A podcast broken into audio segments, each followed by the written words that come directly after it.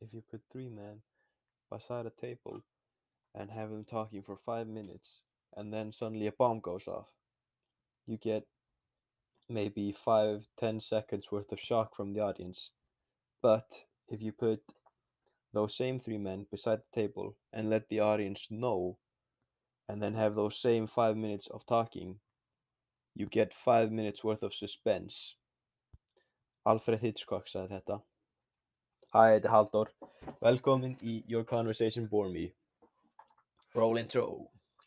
Þetta, í dag þá ætlum við að tala um uppáhaldsmyndina mína, meira uppáhaldssena mína. Núna þessi sena er kynningin fyrir Hans Landa, aðal vondagæðinum. Og þegar senan byrjar, þá, er, þá sérðu lífið þeirra hjá sveitafólkinu. Þetta líf er grænt, þetta er gróft, þetta er erfið vinna, en svo allt í einu kemur, koma nastanir að leita af gyðingum. Og núna, við veitum ekki að senin er þannig, þannig hann Hans Landa kemur inn að tala við herra Lapetit sem er eigandinn af sveitinni og þeir byrja að tala í 34 mínútur um gyðingana sem áttu heima á svæðinu. Hann segir Lapetit segir að gyðingarnir í nágrunni þeirra fluttu til Spánar um leið að stríðið byrjaði. Og allt í einu, eftir það, þá fer myndavélin niður fyrir gólfið og þar sjáum við sprengjunu undir borðinu eða gyðingana. Núna, núna er það af hverju þessi sæna er svo góð og byggir suspense og því að við vitum um sprengjuna og við höfum þessa sama, eiginlega sama samræði. En núna þá breytir hans landa um að tala um hvað, hvað um gyðingana og byrjar að tala um af hverju hann er svo góður í þessu. Hann segir að hann hefur séð fólk skila eftir dignity og þá veit hann hvar hann, þau muni geta felið sig. Og hann, hann gefur honum bóð að ef hann segir hans landa hvar gyðingarnir eru þá munu þeir ekki þá munu fjölskyldan ekki vera hefnt á móti eða skotið. En þá er það frekar hitt með góðri vinnu og nastanir munu skila, skilja fjölskylduna eftir fyrir restan af stríðinu.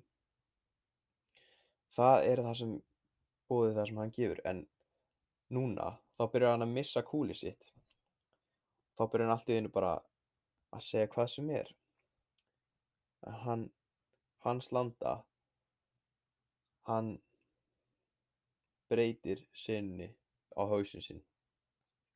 Hann fer frá brosinu sem er ekki múin að fara frá byrjunarsinni og hann segir mest svakalega hræðilegt, skelfilegt orð allt í einu, bara eitthvað þurru eiginlega, segir You are sheltering enemies of the state, are you not? Og það er, þá veit, veit hann að hann er búin að tapa þegar þú sér andlita á La Petite. Hann segir já og hann, hann, Hans Landa spyr aftur Ert að fela þig undir gólfið þitt? Og þá segir hann já, en þá ferð þú að spyrja sjálf er þetta, er hann búinn að vita þetta frá byrjuninni eða vissi hann þetta yfir samræðinni? Og hann, hann spyr hann um að benda út hvar þau eru að fela sig.